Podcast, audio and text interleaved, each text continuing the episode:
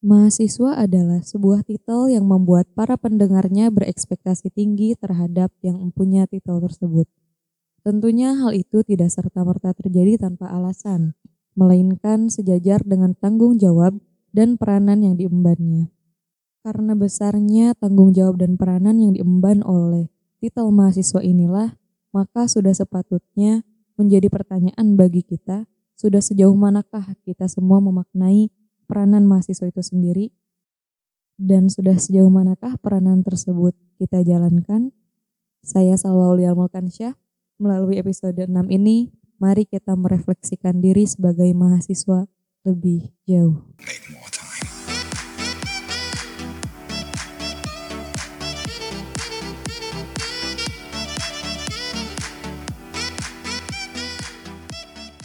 Ya, gimana kabarnya para pendengar semua?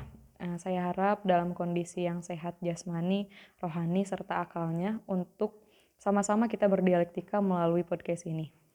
Sesuai dengan yang telah diutarakan di prolog tadi, pada episode 6 ini kita akan membahas lebih jauh terkait apa itu mahasiswa dan bagaimana peranannya.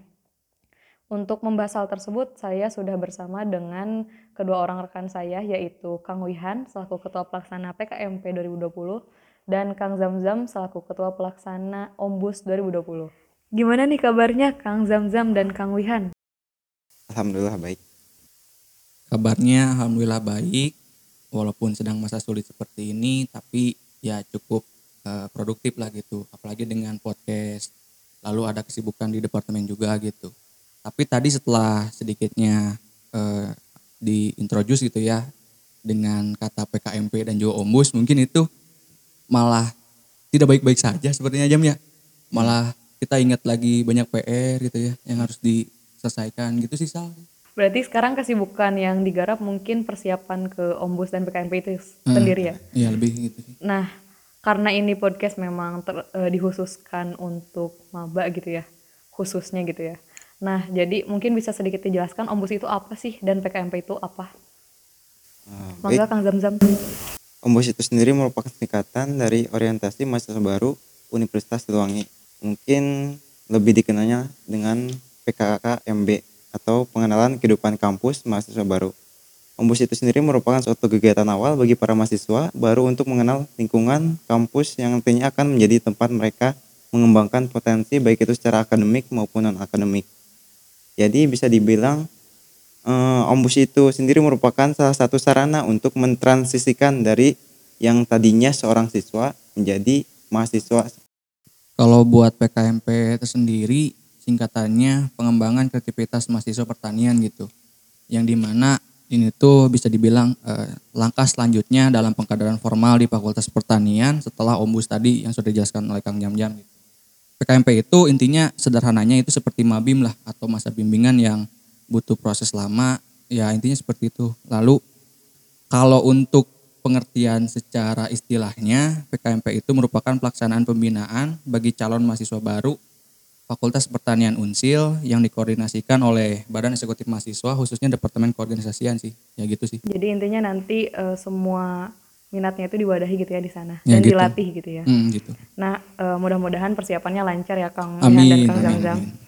Sebelum ke pembahasan, mungkin para pendengar harus mengetahui terlebih dahulu gitu ya, mengapa pada akhirnya narasi mahasiswa ini diangkat di podcast episode 6.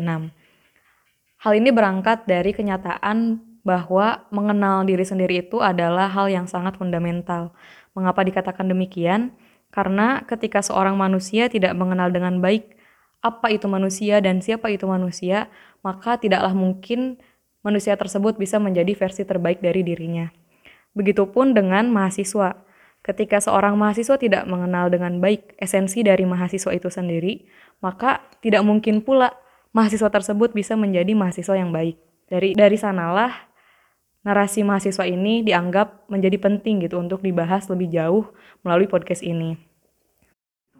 Pada akhirnya diharapkan melalui podcast ini eh, kita semua selaku mahasiswa dapat mengevaluasi diri gitu ya, memuhasabah diri, sudah sejauh mana sih kita mengenal peranan mahasiswa itu dan sudah sejauh mana kita mengaplikasikannya gitu. Langsung saja mungkin ya, tamparan pertama atau evaluasian pertama saya layangkan pada Kang Wihan. Kalau menurut Kang Wihan sendiri, kenapa sih uh, narasi mahasiswa ini menjadi penting untuk dibahas bersama-sama melalui podcast ini? Uh, sebelumnya terima kasih ya tamparannya gitu cukup menampar sekali yeah. gitu uh, boleh curhat dulu gak sih silakan silakan jadi uh, gimana ya tadi kan ada kata-kata fundamental ya atau kata-kata yeah. yang mendasar gitu jadi saya sedikit teringat gitu bahwa karena pembahasan kita saat ini adalah pembahasan tentang mahasiswa yang di mana itu adalah hal yang uh, sangat fundamental sekali sangat mendasar sekali sangat umum sekali yeah. jadi uh, jujur uh, sulit sekali gitu ya untuk benar-benar kita mengkaji ataupun membahas tentang hal ini gitu berbeda saat kita di episode 2 kemarin mungkin ya di yeah. Di yang apa kemarin demokrasi dihianati. Demokrasi kan itu kan kita lebih ke menguraikan pemikiran pemikiran-pemikiran dari pemerintah lalu yeah. menguraikan tentang demokrasi. Itu kan mudah sekali ya dari segi sumber dari segi apa pun itu. Bahkan uh, saat kita mungkin baru bangun tidur lalu pergi ke warung gitu dan kita mengobrol dengan uh, penjaga warungnya penjaga warungnya pun ada kemungkinan besar untuk menceritakan tentang uh, jeleknya negeri ini gitu ya. Perasaan beliau gitu ya. Perasaan beliau gitu. Jadi kita bisa mendapatkan banyak referensi di mana pun gitu. Mm -hmm. Bukan hanya dari internet atau bukan hanya dari literatur yang jelas gitu. Nah ngomong-ngomong mm. tentang itu, uh, mahasiswa itu kan gimana ya ngejelasinnya. Intinya tuh ini pembahasan yang sulit untuk kita bahas, untuk kita bedah, untuk kita kaji. Jika yeah. jika bobotnya, jika bobot pembahasan ini bisa kita samakan dengan yang lain, ibaratnya gini Sal kita tes sekarang teh lagi ngebahas sesuatu yang sangat filosofis sekali gitu. Yeah.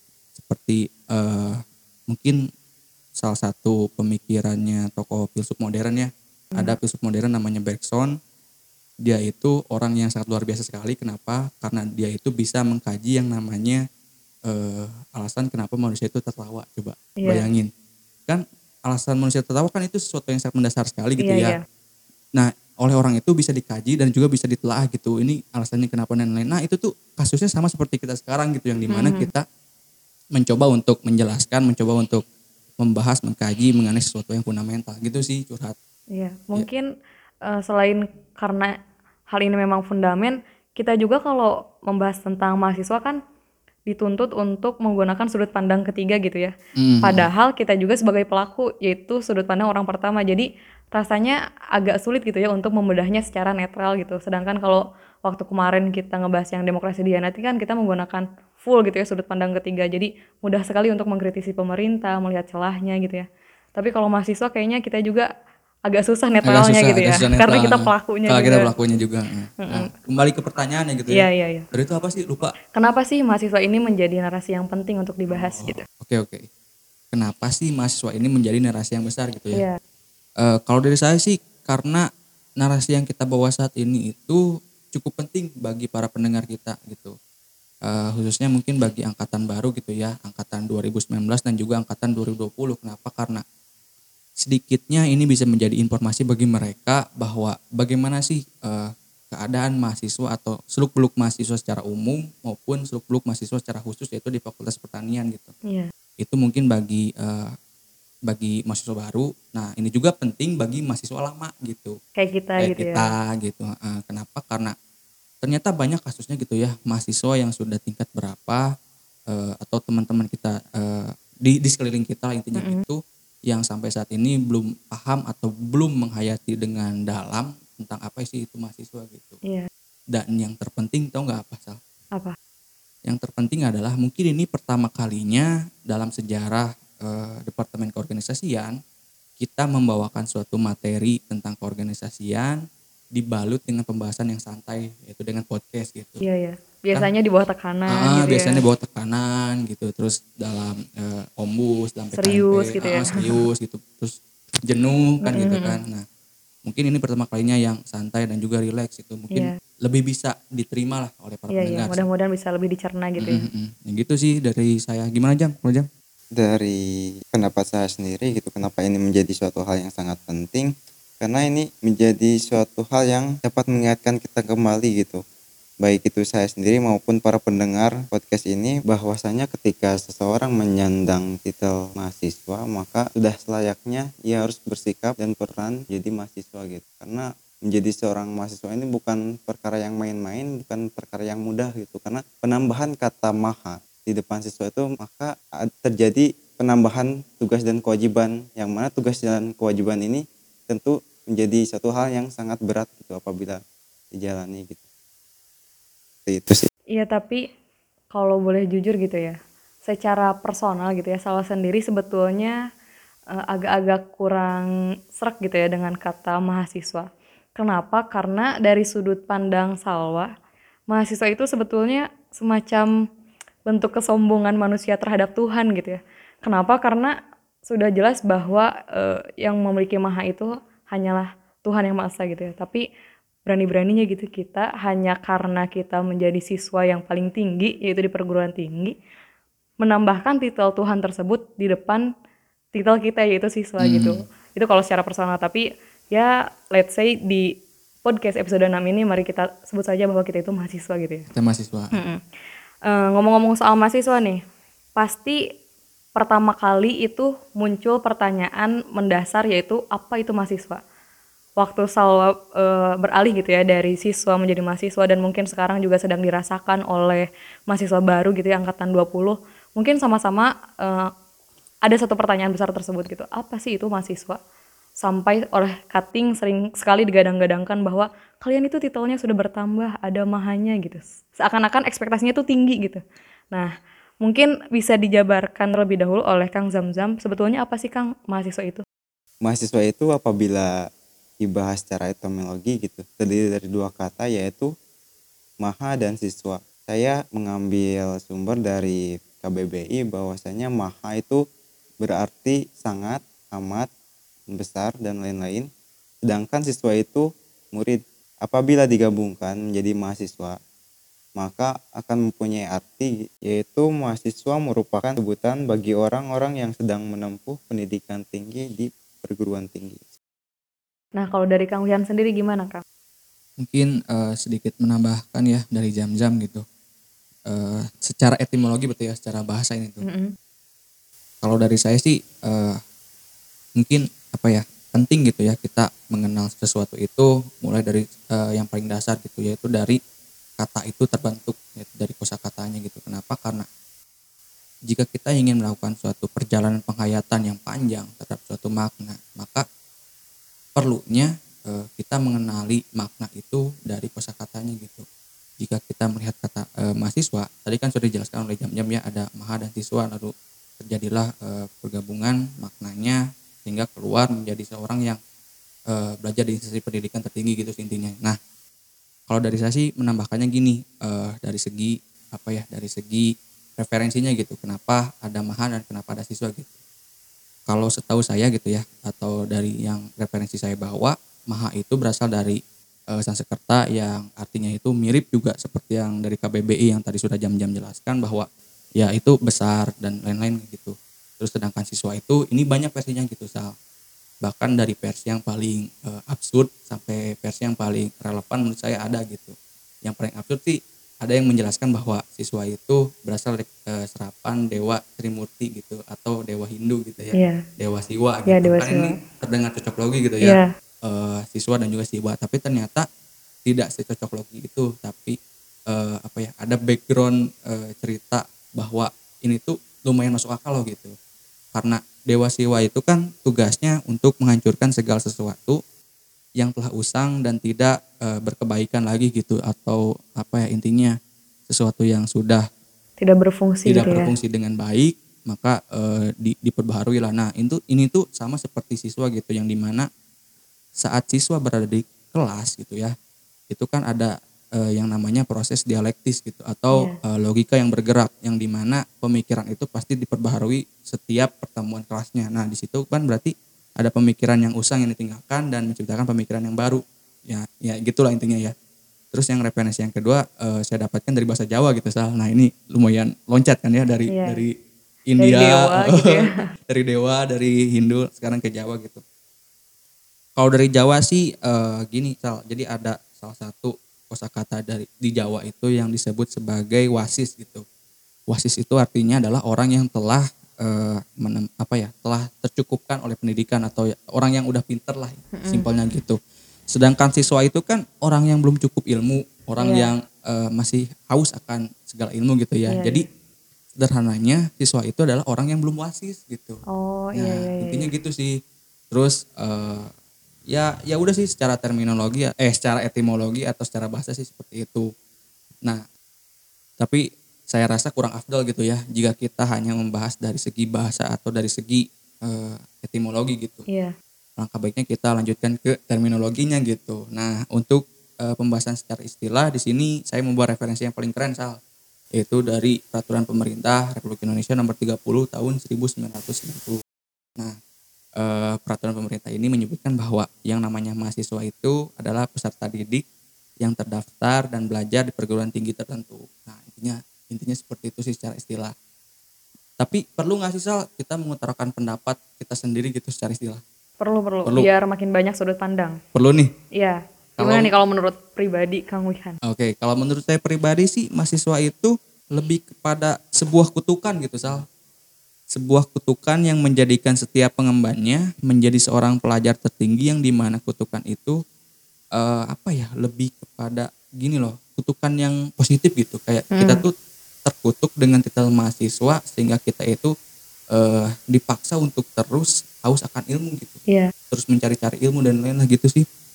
Terus eh, kutukan ini juga bisa apa ya? Bisa mencakup masalah tanggung jawab juga gitu. Bahwasanya kita itu eh, memiliki tanggung jawab lebih eh, dalam menjalankan segala eh, hokus-pokus yang yang apa ya? Yang yang yang ada di depan kita lah gitu yang harus diselesaikan sih. Intinya gitu sih kalau menurut saya pribadi. Jadi kalau menurut Kang Wihan pribadi mahasiswa itu adalah orang yang akan haus ilmu dan juga dituntut untuk lebih fokus terhadap segala sesuatu yang ada di depannya gitu Nah, ya. gitu sih lebih ke situ. Nah, itu berbicara dari terminologi gitu ya, Kang.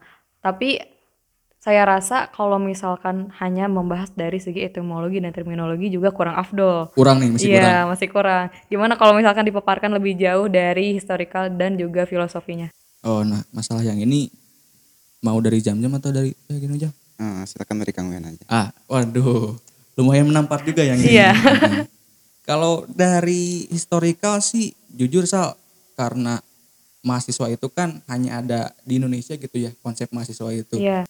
Sedangkan konsep eh, apa ya, konsep siswa di perguruan tinggi di luar negeri itu kan tetap dipanggil student gitu ya, Iya. gak ada tuh eh, apa Mahastudent gitu ya kalau luconnya gitu ya. kan nggak ada gitu Iya. ya. Mahasiswa itu kan hanya ada di Indonesia dan seperti yang kita tahu gitu ya bahwa di negara Indonesia itu referensi dan juga literatur itu kan kurang jelas. Jadi di Iya. sini saya sangat sulit sekali mencari apa ya mencari secara historikalnya. Tapi eh, yang saya apa ya yang saya ilhami bahwa mahasiswa ini eh, pertama kali muncul itu sejalan dengan pergerakannya atau yang biasa kita dengar sebagai pergerakan kemahasiswaan yang di mana saat itu diperakars, diprakarsai oleh Dr. Sutomo gitu Iya. pada saat didirikannya Budi eh, Utomo. Budi Utomo, Ah, Budi Utomo pada tahun 1908 mungkin ya gitu ya. Hmm. Eh, mungkin pendengar podcast bisa ngkoreksi Bisa, gitu ya. ah, bisa kalau koreksi salah. kalau ah. salah. Nah, Kan jadi- tujuannya tujuannya untuk memantik. Tujuannya untuk memantik. Biar para Ah. pendengar mencari lebih ba- Ya, lebih banyak gitu ya. yang Gitulah intinya.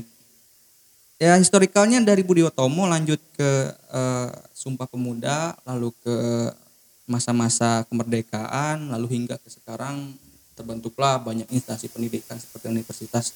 Mm-mm. Bahkan ada salah satu fakta bahwa Budi Utomo itu juga menjadi suatu cikal bakal dari eh, terbentuknya Universitas Indonesia gitu. Oh iya. Yang sama alma maternya kayak kita gitu ya. ya gitulah intinya. Nah kalau secara filosofisnya Kang? kalau dari segi filosofisnya sih lebih menekankan kepada dua hal sih kalau dari saya. Yang pertama itu dari eh, epistemologi gitu. Mm-mm. Epistemologi itu kan filsafat ilmu gitu ya, yang di mana eh, suatu apa ya, suatu disiplin ilmu yang di dalamnya itu terdapat eh, sebuah teori-teori atau konsep-konsep tentang ilmu-ilmu gitu, Hmm. ilmu eh, sains dan juga ilmu-ilmu lainnya. Intinya mah bapaknya ilmu lah gitu, atau bahkan kakeknya atau uyutnya gitulah. Heeh. Iya iya. Nah, ya penjelasan sederhananya gini sih Sal, Eh, kita itu kan mahasiswa, Iya. kita itu ada di eh, universitas gitu ya, atau ada di eh, kampus. Kampus itu ada karena pendidikan, Mm-mm. pendidikan ada karena filsafat ilmu intinya seperti Oh, itu iya, sih iya. gitu. Jadi untuk yang kedua itu ada yang namanya taksonomi Bloom gitu Sal. Eh, taksonomi Bloom itu intinya adalah sebuah konsep atau sebuah pemikiran yang diciptakan oleh sebuah eh oleh seorang tokoh hmm. yang namanya itu uh, Benjamin Bloom gitu. Nah, Benjamin Bloom ini membuat sebuah konsep intinya bertujuan untuk uh, tujuan pendidikan gitu. Uh, yang di dalamnya itu ada tiga domain besar atau ada tiga konsep besar yang menyangkut tentang uh, psikomotorik, afektif dan juga kognitif gitu. Kognitif itu kan uh, intinya tentang segala hal yang uh, berhubungan dengan pikiran, berhubungan yeah. dengan uh, intelektual dan yeah. lain lah. Lalu afektif itu berhubungan dengan rasa, hmm, empati gitu ya. Empati dan lain-lain gitu. Lalu selanjutnya itu ada psikomotorik, itu lebih kepada gerak dan juga koordinasi jasmani kita gitu. Hmm. Nah, banyak yang salah mengartikan tentang hal ini gitu. Banyak yang mengartikan bahwa ini tuh tujuannya hanya untuk pendidikan formal saja gitu. Padahal uh, padahal kan enggak gitu ya. Uh, untuk pendidikan non formal pun uh, taksonomi belum ini ini juga bisa kita aplikasikan gitu bahkan untuk uh, pengkaderan gitu. Yeah. dan departemen keorganisasian juga itu uh, memiliki dasar apa ya sebutannya dasar mengkadernya itu dari sini gitulah intinya mm -hmm. gitu sih kayak kita ngepodcast sekarang juga itu uh, bisa diaplikasikan ya sebenarnya bisa diaplikasikan hmm. gitu nah uh, jadi mungkin dikatakan seorang siswa atau mahasiswa yang baik itu ketika memang uh, bisa menyatukan antara ketiganya gitu ya mm. bisa menyeimbangkan ketiganya bisa menyeimbangkan kognitifnya afektifnya dan juga psikomotoriknya gitu ya mm -hmm. nah tadi kan baru pembahasan secara etimologi terminologi historikal dan juga filosofi ya dari mm. mahasiswa itu sendiri mungkin uh, sekarang selalu ingin tahu nih gitu kalau menurut Kang Zam Zam dan Kang Wihan pribadi gitu ya esensi dari mahasiswa itu apa sih bisa mungkin dari Kang Zam Zam dulu menurut saya sendiri gitu esensi apabila seorang menjadi mahasiswa tidak lain yaitu seluruh pengetahuan yang telah ia terima di perguruan tinggi bukan menjadi pengetahuan miliknya saja. Kenapa? Karena tadi bahwasanya penambahan kata maha di situ dibebankan suatu hal yaitu pengabdian. Tugas pengabdian ini merupakan suatu hal yang menjadi pokok bagi seorang mahasiswa. Ya saya sepakat sih dengan uh, yang diutarakan oleh Kang Zamzam karena kan jika kita kaitkan dengan Tridharma perguruan tinggi juga siklusnya adalah pendidikan, penelitian, kemudian pengabdian sehingga ketika berbicara tentang mahasiswa maka bukan hanya berbicara soal seorang yang haus akan ilmu dan mencari ilmu tetapi juga seseorang yang harus gitu ya diwajibkan untuk menyebarkan dan mengaplikasikan ilmunya kepada masyarakat. Kalau dari Kang Wihan sendiri apa sih esensi dari mahasiswa? Berbicara tentang esensi gitu ya. Yeah. Uh, kalau dari saya pribadi sih sangat sulit gitu ya untuk menemukan suatu esensi dari uh, makna mahasiswa. Kenapa? Karena ini tuh memerlukan suatu penghayatan yang lebih dalam lagi gitu ya mm. dari sekedar penghayatan kata gitu. Tapi yang jelas sih uh, dari saya gini, Sal. Untuk kita mencapai sebuah esensi, maka perlu yang adanya uh, eksistensi gitu. Jadi mahasiswa itu jika ingin mencapai yang namanya titik esensinya maka dia harus bisa eksis terlebih dahulu gitu sih. Oleh karena itu uh, saya balikan lagi kepada para pendengar podcast gitu ya. Silakan uh, masing-masing cari esensinya sendiri-sendiri gitu. Karena esensi tiap orang kan pasti beda-beda gitu. Nah memang uh, benar sih jika dikatakan bahwa pencapaian esensi itu tidaklah mudah gitu ya. Maka dari itu mungkin uh, untuk memudahkan kita juga gitu ya dan para pendengar semua dalam pencapaian esensi ini uh, kita juga harus membahas terkait peranan mahasiswa itu sendiri. Nah, uh, kan mahasiswa itu memiliki peranan yang banyak gitu ya. Mungkin uh, beberapa di antaranya bisa kita jabarkan di sini. Dimulai oleh Kang Zamzam silahkan. Mungkin para pendengar sendiri sudah mengetahui gitu mengenai peran mahasiswa yang pertama yaitu agent of change. Agent of change di sini yaitu mahasiswa ketika turun ke masyarakat dan dihadapkan dengan sebuah masalah, maka mahasiswa dituntut untuk menemukan solusi atas permasalahan tersebut dengan solusi yang kreatif dan inovatif. Yang kedua yaitu social control. Social control di sini mahasiswa mempunyai peran yaitu untuk mengontrol kebijakan-kebijakan dari pemerintah. Yang mana apabila kebijakan tersebut ada yang tidak pro rakyat, maka di sini fungsi mahasiswa yaitu sebagai jembatan yang menghubungkan antara masyarakat dengan pemerintah. Gitu. Lalu yang ketiga yaitu iron stock. Iron stock di sini fungsi mahasiswa sebagai eh, generasi penerus bangsa yang mempunyai skill dan kemampuan yang nantinya akan memimpin bangsa ini menuju kemajuan. Dan mungkin tambahan dari saya yaitu ada poin mengenai uh, moral force gitu. Moral force ini bisa diartikan bahwa adanya kekuatan moral yang dimiliki oleh uh, mahasiswa. Yang jelas moral di sini moral yang baik gitu ya. Di mana ini sebagai acuan dasar dalam berperilaku seperti bagaimana cara kita bersikap, cara kita berbicara, bahkan jika kita berbicara tentang moral gitu ya Sal, bukan hanya uh, perilaku saja atau habit saja, tapi lebih ke bagaimana cara kita berpikir saja itu harus kita uh, atur atau harus yeah. kita jadikan apa ya jadikan moral itu sebagai acuan gitu. Yeah, yeah.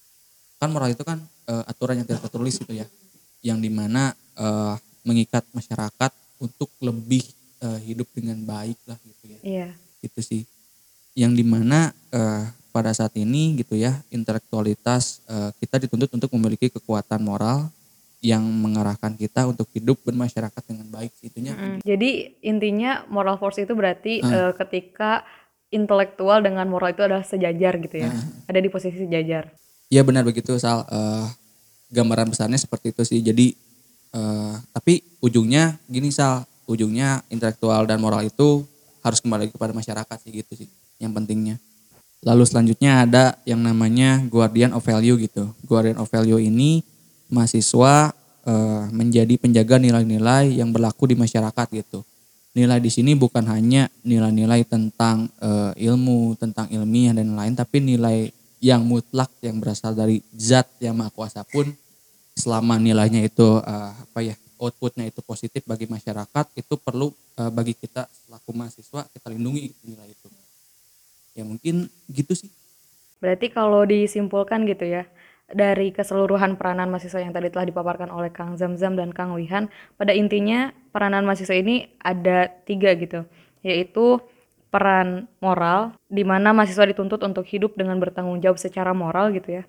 Lalu yang kedua ada peran sosial, di mana mahasiswa dituntut uh, untuk memaksimalkan keberadaan pemikiran serta keputusan yang dibuatnya itu tidak hanya mendatangkan kebermanfaatan untuk dirinya sendiri, tetapi juga kebermanfaatan bagi lingkungan sekitarnya, dalam hal ini masyarakat.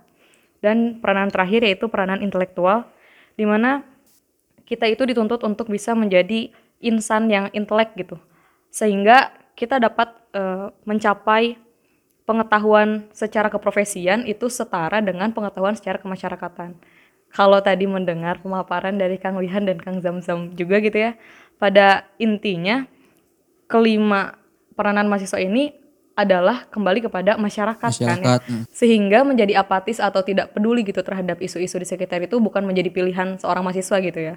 Tetap pada akhirnya kita dituntut untuk bisa melek isu dan juga bermanfaat bagi masyarakat. Nah, tapi, tapi Sal gini Sal. Mm -mm, gimana Kang Wihan? Uh, dari tadi kan kita sudah membahas ya sampai kepada peran mahasiswa. Kalau dari Salwa sendiri sih pandangan Salwa terhadap mahasiswa itu gimana sih gitu? Kalau menurut Salwa sendiri sih eh, mahasiswa di ekspektasi Salwa gitu ya berarti itu ketika seorang mahasiswa bisa secara intelektualnya baik gitu ya, tidak hanya intelektual keprofesian dalam hal ini jurusan masing-masing, tetapi juga intelektual secara kemasyarakatan dalam hal ini isu-isu sekitar. Juga ketika mahasiswa itu secara moralnya bertanggung jawab dan juga secara sosialnya dia bertanggung jawab ada peranannya. Sehingga uh, roda kemahasiswaan ini bisa berputar. Tetapi gitu ya Kang Wihan dan Kang Zamzam mungkin kita juga sering sekali gitu ya melihat bahkan mungkin itu juga dilakukan oleh kita gitu. Banyak sekali mahasiswa yang tidak menjalankan roda tersebut. Contohnya nih kalau boleh sedikit curhat gitu ya. Curhat keresahan. Keresahan ya keresahan dari soal sendiri. Kadang mahasiswa itu ketika turun ke masyarakat itu dia turunnya dengan menengadahkan kepala. Dalam hal ini dia bertingkah pongah gitu ya, sombong. Hmm. Seakan dia itu lebih tinggi daripada masyarakat. Dia merasa lebih berintelektual gitu daripada masyarakat. Padahal perbedaan dia dengan masyarakat itu adalah hanya berbeda dari segi uh, apa ya, bahasa gitu ya, nah. mungkin. Jadi ketika dia itu menyerap ilmu-ilmu dalam bahasa akademis gitu, sedangkan masyarakat menyerap ilmu-ilmu dalam bentuk pengalaman sehingga okay, secara okay. sederhana kan gitu ya mereka hmm. memahaminya tetapi mahasiswa karena merasa uh, pemahaman mereka itu lebih intelektual dan lebih akademisi gitu ketika turun ke masyarakat mereka merasa lebih tinggi gitu padahal belum tentu pengalaman mahasiswa itu lebih baik daripada pengalaman masyarakat Hanya saja mungkin pengemasan dari masyarakat itu masih sederhana gitu. Nah itu sih salah satu keresahan Salwa terhadap mahasiswa. Nah, eh, ngomong-ngomong masalah keresahan gitu ya, dari saya pribadi pun ada gitu sedikit keresahan mengenai tadi yang Salwa sudah eh, bincang-bincangkan yaitu tentang eh, intelektual dari mahasiswa itu dirasa lebih tinggi daripada eh, intelektualnya eh, masyarakat gitu ya. Iya, sombong gitu ya. Ah, sombong gitu. Kalau, eh, ini keresahannya berawal dari pada saat Jokowi eh, meluncurkan kabinetnya gitu, yang dinamakan Indonesia Maju gitu. Wihan pribadi memandang Jokowi eh, kenapa eh, dia memutuskan namanya Indonesia Maju itu Iya. karena dia eh, bertujuan untuk menyederhanakan sesederhana mungkin nama dari kabinetnya agar posisi paling sentral di Indonesia pun yaitu desa bisa memahaminya gitu. Heeh. Nah keresahannya di mana? Keresahannya gini. Sedangkan jika kita melihat kepada organisasi mahasiswa sekarang gitu ya, nama kabinetnya kan eh, Oh keren-keren gitu ya. gitu ya. heeh. Ada nama Sansekerta, ada Iya. eh, bahasa Inggris ya kayak Ada pro- ilmiah juga. ilmiah juga. heeh. Nah, ini kan PR gitu ketika nanti mahasiswa turun ke masyarakat dan membawa nama-nama kabinet seperti ini, sedangkan presiden kita saja sederhana gitu ya nama kabinetnya. Iya, sesuai Ini dengan kepribadiannya sesuai ya. dengan kepribadiannya gitu. Nanti kan eh, masyarakat ini kan akan bingung gitu, Iya. akan merasa terbodohi. Ini ini apa gitu kan? Iya, ini kan iya, bahasa bahasa yang eh, lumayan tinggi gitu ya. Iya. Nah jadi eh, inilah yang mau saya eh, resahkan gitu ya kepada semuanya gitu bahwa mulai dari sekarang mungkin jangan cuma keren-kerenan saja gitu Nah ya. itu dia. Mm-mm, tapi kita lihat eh, dari kita bedahlah esensinya gitu bahwa ini tuh buat apa sih gitu. Nah, Iya. Kan kalau kalau buat rakyat ya ya udahlah Bahasanya yang merakyat yang gitu merakyat ya. aja eh, kayak kayak Jokowi tadi kan kayak Indonesia Maju. Ya itulah mungkin eh, sedikit yang bisa saya apresiasi dari Jokowi ya, gitu, Iya. dari nama kabinetnya. Satu-satunya gitu ya. Hmm, enggak enggak enggak gitu. Oh enggak gitu, enggak, gitu. gitu. Kirain. Tapi mungkin justru kalau eh, men- ya menurut saya juga PR paling besar dari mahasiswa itu ketika kita dituntut untuk bisa membreakdown eh, apa-apa yang kita dapat dari perguruan tinggi gitu ya, secara akademisi dan diaplikasikan kepada masyarakat gitu. Justru itu PR yang paling sulit gitu ketika kita mendapatkan ilmunya itu secara eh, ilmiah, bagaimana caranya kita bisa merubah bahasa-bahasa ilmiah dan eh, tata cara yang ilmiah tersebut sehingga aplikatif di masyarakat itu justru PR yang paling berat nggak sih gitu ya? Berat, nah, berat sekali. Nah, eh, selain dari itu ada juga sih keresahan Solo yang lain Oh ada lagi nih. berangkat dari eh, apa ya pengalaman kemarin-kemarin mungkin ya Oh. ketika turun ke jalan gitu Oh ya. berarti biasa kan Salwa sebagai kastrat di sini nih. Iya iya Ah, gitu. sama Ah, sebagai kastrat gitu ya. oke. Kan eh, nggak aneh lah ya ketika tadi juga menyambungkan dengan peranan mahasiswa sebagai sosial kontrol itu adalah penyambung lidah rakyat, maka tidak menjadi asing ketika mahasiswa turun ke jalan gitu untuk menyuarakan suara rakyat, baik rakyat yang mengetahui ataupun yang tidak mengetahui tentang isu yang disuarakan gitu ya. Nah, tapi kan kita itu eh, berangkat dengan tujuan yang mulia yaitu menyuarakan aspirasi rakyat.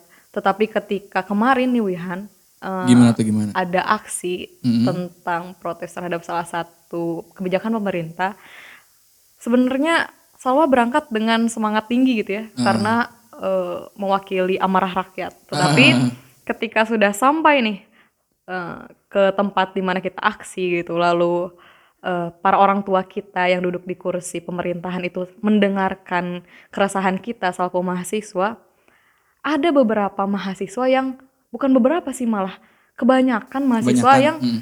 tidak memakai moralnya gitu ketika berbicara dengan orang tua kita. Oh. Jadi selalu mengerti gitu ya ketika dalam kondisi amarah, eh, emosi gitu ya, selalu mengerti karena selalu pun merasa marah terhadap eh, orang tua-orang tua kita yang duduk di kursi pemerintahan. Tetapi hal itu tidak bisa dijadikan pembenaran untuk kita tidak berlaku sopan kan terhadap orang tua kita. Karena bagaimanapun eh, moral itu harus tetap kita junjung se- selaku akademisi gitu kan. Iya betul. Masa orang terdidik tidak memperlihatkan perilaku yang terdidik gitu Heeh, kan? masa sih. Nah, sampai yang lebih lucunya lagi ketika orang tuanya berbicara gitu, memberi penjelasan terhadap eh, keresahan mahasiswa, dipotong terus-menerus oleh mahasiswa yang Oh. eh, ada di sekelilingnya dengan bahasa-bahasa yang kurang sopan gitu terhadap Hmm. orang tua dan tidak relevan dengan penjelasan yang sedang diutarakan oleh orang tua tersebut. Hmm. Sehingga wah, soal ketika melihat hal, eh, hal itu ya malu gitu bukan bangga malu menjadi mahasiswa ya. malu gitu dan hal itu lebih memalukannya lagi di- dipertontonkan kepada anak-anak Oh. karena di tempat eh, aksinya itu banyak anak kecil yang menonton gitu. Sehingga eh, sikap yang Salwa ambil pada saat itu Salwa keluar dari lingkaran mahasiswa dan lebih memilih untuk dekat dengan anak-anak memberi penjelasan gitu ya kepada mereka tentang apa yang terjadi. Oh, oke oke. apa yang baiknya dan apa yang buruknya agar ketika nanti mereka itu menjadi eh, generasi penerus kita gitu ya duduk di bangku perguruan tinggi tidak mengulangi kesalahan rekan-rekan kita yang memalukan gitu ya salah harapnya kayak gitu itu itu salah satu keresahan sih salah satu bukti juga bahwa ternyata masih banyak mahasiswa yang tidak mensejajarkan gitu eh, intelektualitasnya dengan moralitasnya gitu Oke, sangat oke. disayangkan Nah, kalau Wihan sendiri sih nyebut eh, mahasiswa yang seperti itu dengan sebutan ideologis barbarisme gitu ya. gimana tuh Karena ya menunjukkan kebarbarannya gitu ya. Iya. Nah, kan gini Sal ya. Eh, yang namanya universitas itu secara eh, filosofis itu berarti sebuah instansi yang di mana fungsinya itu untuk membatalkan argumen pemerintah gitu ya. Yang di mana di sini berarti eh, pemikiran kita atau ranah kognitif kita berperan lebih eh, jauh Banyak gitu ya. lebih banyak lah dibandingkan barbarnya tadi gitu ya. Iya. Bahkan ya barbar boleh, tapi barbar yang tidak bermoral ya tidak boleh gitu ya. Iya. Eh, gitu. Nah, eh, jadi kalau saya pribadi memandang tadi keresahan sahabat sih, substansi yang disampaikan oleh mahasiswa ini kepada pemerintah itu benar ya. Maksudnya Iya. secara substansi benar. Tapi menurut saya agak cacat secara prosedur saja. Dalam artian cacat dalam eh, mahasiswa itu eh, menyampaikannya gitu. Iya, iya. Nah, gitu sih. Tapi mungkin ini juga harus diketahui juga sama Kang Zamzam dan Kang Wihan gitu ya. Ada yang paling lucu dari kejadian aksi kemarin selain tidak bermoralnya perilaku mahasiswa kebanyakan gitu ya yang sedang aksi. Yaitu ketika kalau masih ingat ada sedikit chaos gitu ya Ah. di aksi tersebut dikarenakan beberapa hal. Tetapi yang lucunya masih ada mahasiswa yang menyempatkan diri untuk berfoto Berfoto. dengan latar belakang eh, asap dari perkeosan tersebut. Waduh. Itu di depan mata saya sendiri dan saya melihatnya Hmm. langsung ya kalau secara kasar gitu ya serasa ingin mm, membuka alma maternya dan udah udah kamu ke pinggir jalan aja gitu malu-maluin gitu soalnya maksudnya gini mungkin tadi ketika Kang Wihan berbicara untuk mencapai esensi itu kita harus menca- mencapai terlebih dahulu eksistensi. Eksistensi. tapi salwar salwar rasa gitu ya yang dimaksud oleh Kang Wihan jelas bukan eksistensi yang seperti itu kan Bukan, bukan, nah bukan. kan jadi jadi ya itu bukan ke eksistensi itu lebih ke konten gitu Lebih ke konten, jatuhnya ah, jadi ah. patut dipertanyakan kembali. Sebetulnya ketika mahasiswa ini turun ke jalan atau apa pun itulah yang berhubungan dengan masyarakat ya, mau itu audiensi online mungkin atau apa pun lah pergerakan apa pun yang Hmm. berhubungan dengan masyarakat, seharusnya dipertanyakan kembali sudah betul niatnya semuanya Oh, oke. atau justru memang hanya eh, menumpangi kegiatan tersebut untuk eksistensi eksistensi dalam hal tadi gitu ya Yang konten gitu Ah. lalu atau hanya untuk eh, apa ya meluapkan amarah dengan tidak terkontrol Hmm. kan justru itu mencoreng nama baik mahasiswa sendiri Aha. nah mungkin di situ sih letak podcast ini sebagai tamparan bagi mahasiswa yang sudah lama gitu ya Oh, oke. selain eh, tamparan untuk mahasiswa baru yang belum mengenal apa itu mahasiswa podcast ini juga berperan sebagai apa refleksi untuk mahasiswa seperti kita Hmm. karena ya kejadian-kejadian tersebut itu lebih memalukan daripada mahasiswa baru yang belum tahu apa itu esensi mahasiswa gitu Oke oke. Ya melihat dari pengalaman Salwa tadi gitu ya ketika aksi eh Salwa jadi teringat kembali ketika aksi eh, beberapa bulan yang lalu ketika anak-anak SMK turun juga ke jalan dengan dalih eh, membela kakak-kakak mereka yang sehari sebelumnya juga turun ke jalan. Oke oke. Nah, Nah, itu kan kurang lebih sama ya. Anak-anak SMK turun dengan gaya siswanya, terutama SMK, kebarbarannya gitu ya. Hmm. Lalu ketika aksi kemarin yang paling baru, saya melihat juga mahasiswa itu sama kalau kata Kang Wihan dengan ideologi yang barbar Barbarisme, gitu ya, bar- barbarisme. Maka muncul pertanyaan, eh, apa sih sebenarnya perbedaan antara siswa dan mahasiswa ketika saat ini cara mereka membela rakyatnya pun sudah sama gitu. Sudah sama gitu. Mm-mm. Mungkin bisa dijabarkan. Jadi eh, setelah saya analisis banyak tentang perbedaan siswa dan mahasiswa, ternyata yang berubah secara signifikan itu lebih kepada diri mahasiswanya sendiri gitu, Sal. Kenapa? Karena di sini eh, adanya kalau kita sebut bahasa biologis gitu ya, adanya metamorfosa dari siswa menjadi mahasiswa gitu dalam artian bukan hanya statusnya saja yang berubah, bukan hanya titelnya saja yang bertambah, tapi di situ juga ada proses pendewasaan gitu ya dari diri masing-masing mahasiswanya gitu. Contohnya yang pertama dari pola pikir gitu. Yang asalnya kita dulu saat menjadi siswa itu labil, lalu uh, pasif dan juga kurang uh, apa ya, kurang berani lah dalam mengutarakan sesuatu. Saat kita menjadi mahasiswa tentu saja kita menjadi lebih dewasa lah uh, artinya menjadi lebih proaktif, lalu kritis, lalu peka dan juga kadang-kadang uh, buat saya pribadi sih merasa sedikit visioner lah gitu. Dan untuk yang selanjutnya itu jika kita lihat dari aspek prioritasnya gitu. Saat dulu kita menjadi siswa e, kita itu hanya memprioritaskan nilai dan juga tugas saja gitu. Ini yeah. siswa yang pada umumnya gitu ya, yeah, iya. bukan yeah. yang ekstrim yeah. aktif gitu. yeah, yeah.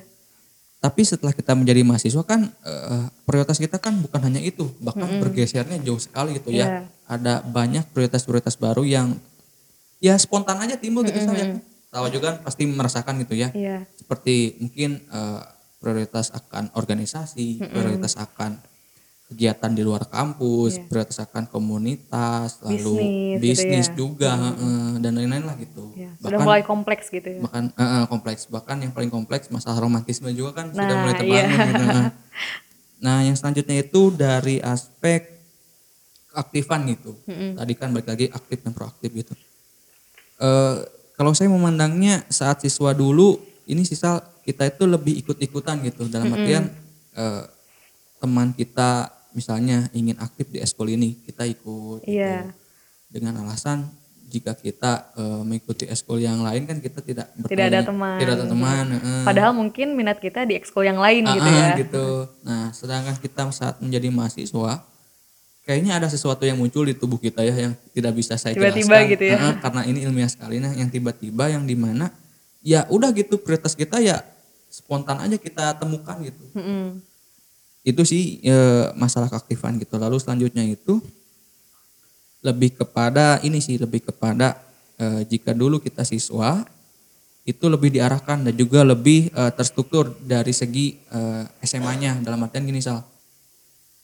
Waktu kita SMA kan kita tidak terlalu banyak apa ya tidak terlalu banyak berusaha lah atau tidak terlalu banyak dalam berupaya gitu karena kita terkekang lah oleh uh, keadaan SMA gitu. Yeah. Sedangkan kita saat sekarang jadi mahasiswa kan bisa berbicara banyak, bisa yeah. berperilaku banyak, bisa mm -hmm. berpikir banyak dan lain. Ya, uh, ya itulah mungkin eh, perubahan-perubahan dari siswa ke mahasiswa yang saya sadari betul dari segi uh, mahasiswanya itu sendiri sih. Mm -hmm. Kalau dari Kang Zam Zam sendiri nih, uh, bagaimana memandang perbedaan antara siswa dengan mahasiswa? Sebenarnya dari saya sendiri gitu nggak jauh beda dari apa yang dikatakan dari Kang Wihan.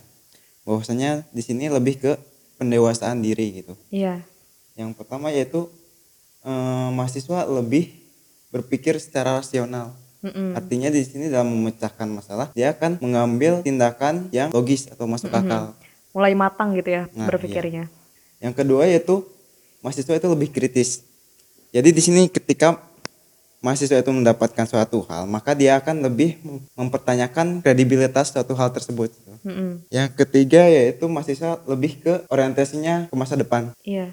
Artinya di sini mereka memikirkan betul apa yang akan eh, mereka jalani di masa depan nanti iya. gitu. Mungkin karena itu juga e, mahasiswa mulai berani mengambil keputusan-keputusan hebat gitu ya dalam hidupnya, nah, yang itu. tadi dikatakan oleh Kang Wihan. Ya, ya. Lalu di sini ada lagi perubahan yaitu mahasiswa lebih berani bertindak dan berani bersuara. Hmm, iya. Jadi tadi seperti yang sudah dikatakan bahwasanya mahasiswa ini lebih proaktif. Iya. Jadi lebih kritis terhadap uh, keadaan di lingkungannya gitu. Hmm, hmm, hmm. Yang yang kelima itu saya kira mahasiswa itu lebih mandiri. Iya.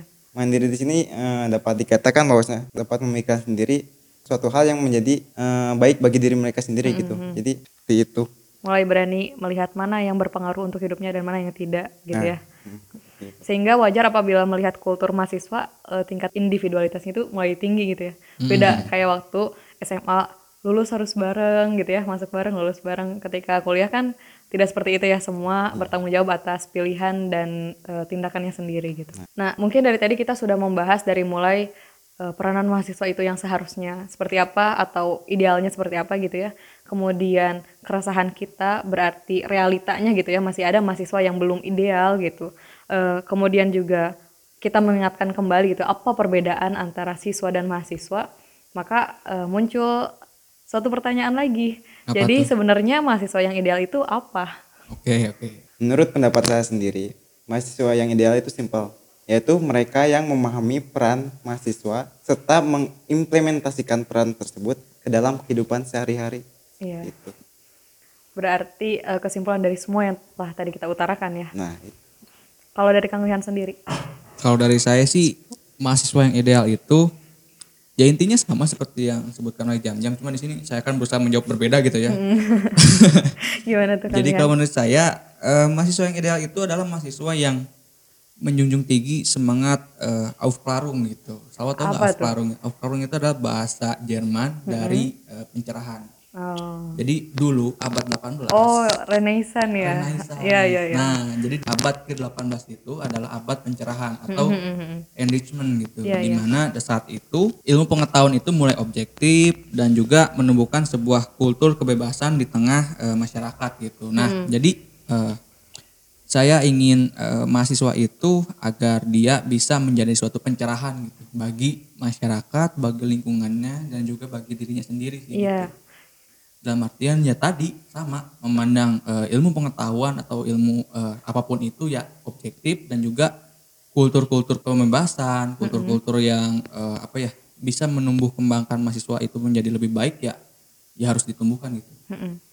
Jadi eh, kalau boleh disimpulkan gitu ya dari jawaban Kang Wihan dan Kang Zamzam itu sendiri, eh, mahasiswa ideal adalah mereka yang bisa menyelaraskan gitu ya antara intelektualnya, moralitasnya serta sosialnya sehingga eh, kembali lagi menjadi tidak peduli atau menjadi apatis terhadap isu-isu sekitar itu bukan bukan pilihan bagi mahasiswa gitu ya, melainkan eh, adalah sebuah keharusan bagi kita untuk menjadi apa ya problem solver mungkin ya Mhm. dari isu-isu tersebut gitu. Nah, kita sudah berbicara tentang mahasiswa secara umum gitu ya, baik dari segi filosofisnya, esensinya, peranannya, permasalahannya, dan kemudian idealnya seperti apa.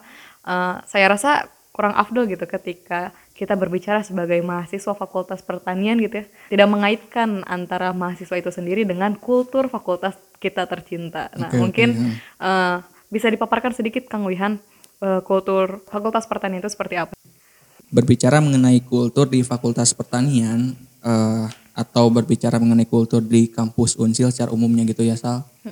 Kalau dari saya sih lebih ingin mengutarakan kultur yang negatif gitu dengan tujuan eh, membangun eh, hasanah kampus kita lebih baik lagi Iya, gitu iya, kan. gak apa-apa ya. Kembali lagi ini adalah sebuah tamparan gitu Sebuah ya tamparan, buat kita eh. semua. Kalau yang positifnya nanti mungkin bisa disampaikan oleh saudara saya Jam-Jam itu ya. Kalau dari saya sih kulturnya eh, ada satu wabah selain wabah COVID-19 yang saat ini melanda kampus kita. Kalau nggak salah eh, wabah apa? Kayaknya sih udah kebaca ya itu ke arah mana, tapi coba tolong sebutkan Kang Wihan. Baik-baik. Wabah ini intinya hampir semua atau ya sebagian besar lah mahasiswa kita terjangkit eh, oleh wabah ini gitu. Wabah yang menyerang kita tanpa ampun, yang bersarang di lingkungan kampus kita yaitu wabah kedangkalan gitu. Wah, wabah yang serius ya ini. Nah, nah, tapi tolong digarisbawahi gitu.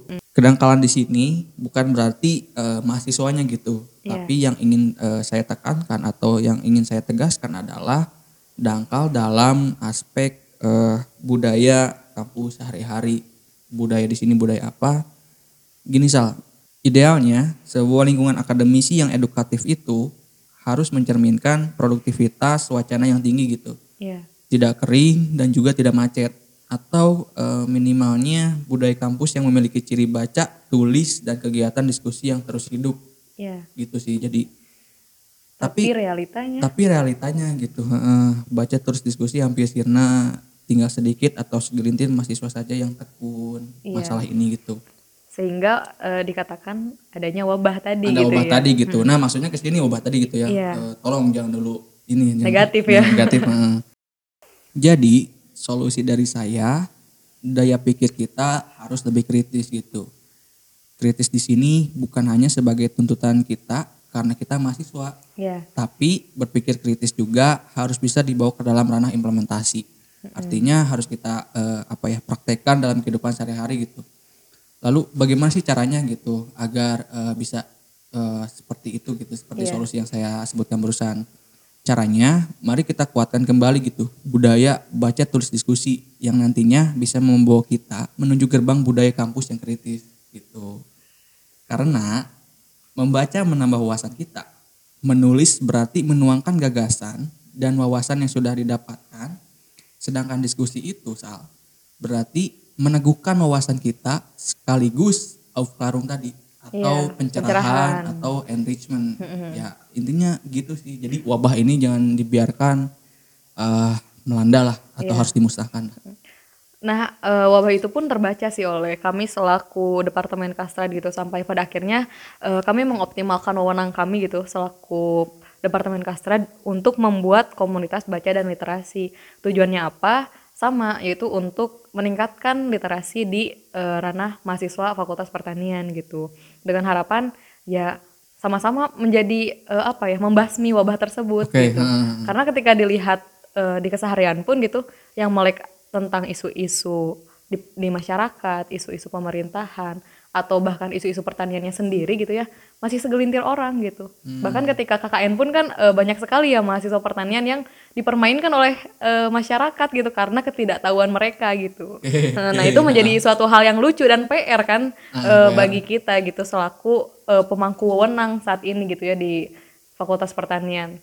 Mungkin kita bisa bersama-sama membasmi wabah tersebut dimulai dengan eh, meningkatkan literasi.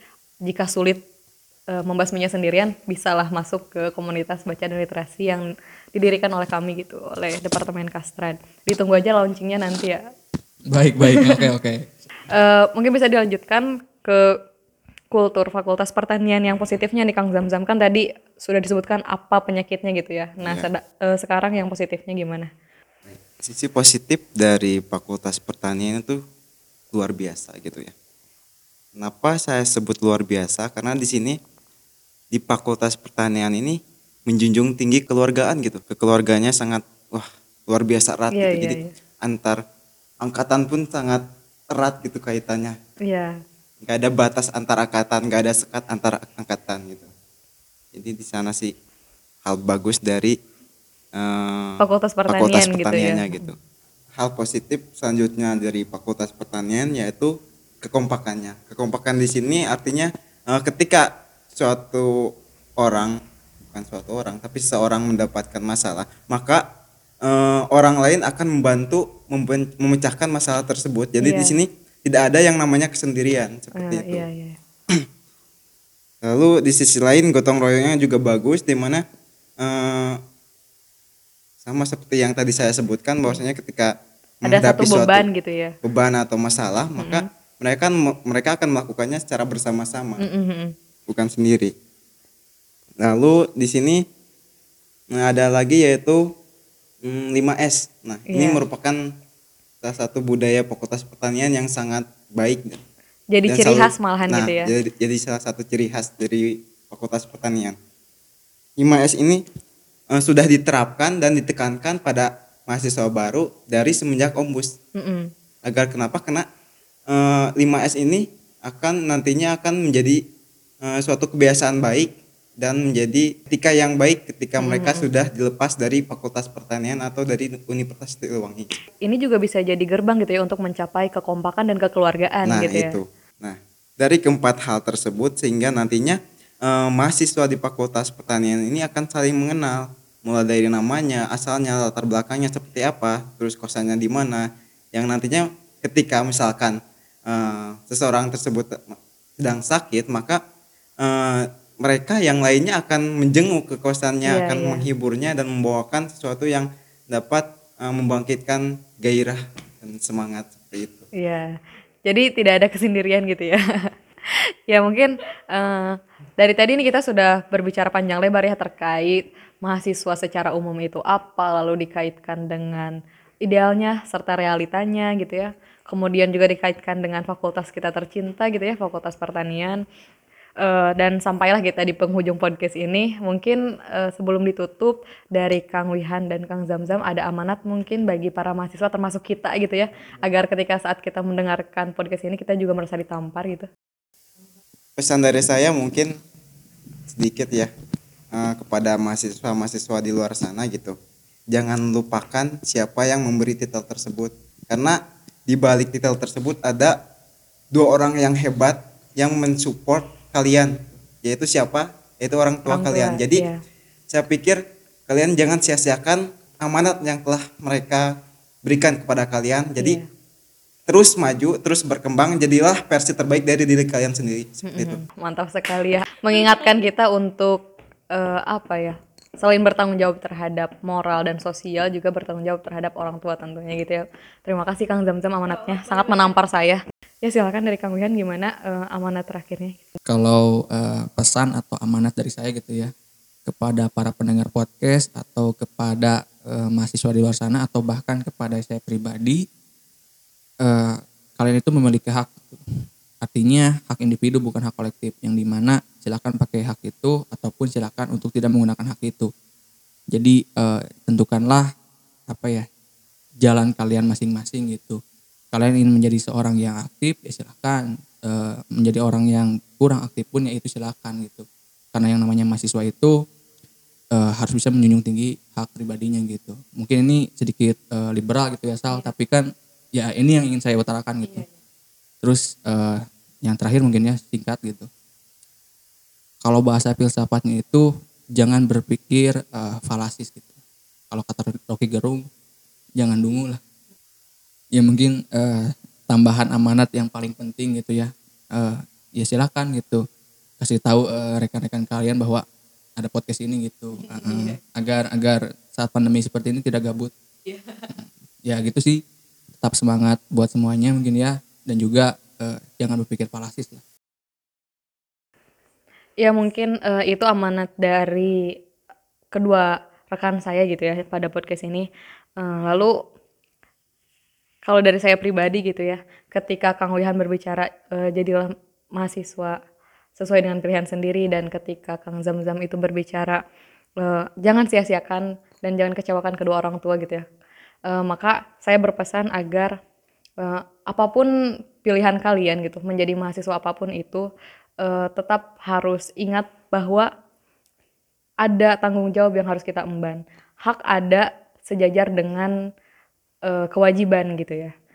Sehingga ketika mahasiswa harus bisa menjunjung tinggi haknya, maka mahasiswa pun harus bisa uh, apa ya, mengaplikasikan dengan baik kewajibannya itu sendiri sehingga haknya terpenuhi.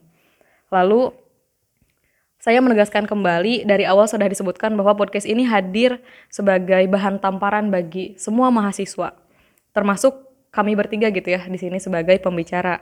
Uh, kami tidak bermaksud menyindir atau menjurus pada salah satu instansi atau organisasi atau uh, mahasiswa tertentu gitu ya. Tapi ini mahasiswa secara umum termasuk kami bertiga sehingga kami harap podcast ini memang bisa menjadi bahan refleksi kita semua agar bersama-sama kita berubah menjadi mahasiswa yang lebih baik lagi dan bersama-sama kita menjadi versi terbaik dari mahasiswa itu sendiri. Jika kalian menemukan kebermanfaatan dari podcast ini, uh, bisa disebar kepada yang lain agar semakin banyak orang yang tertampar gitu ya, agar semakin banyak orang yang merefleksikan dirinya. Uh, sampai jumpa di podcast berikutnya.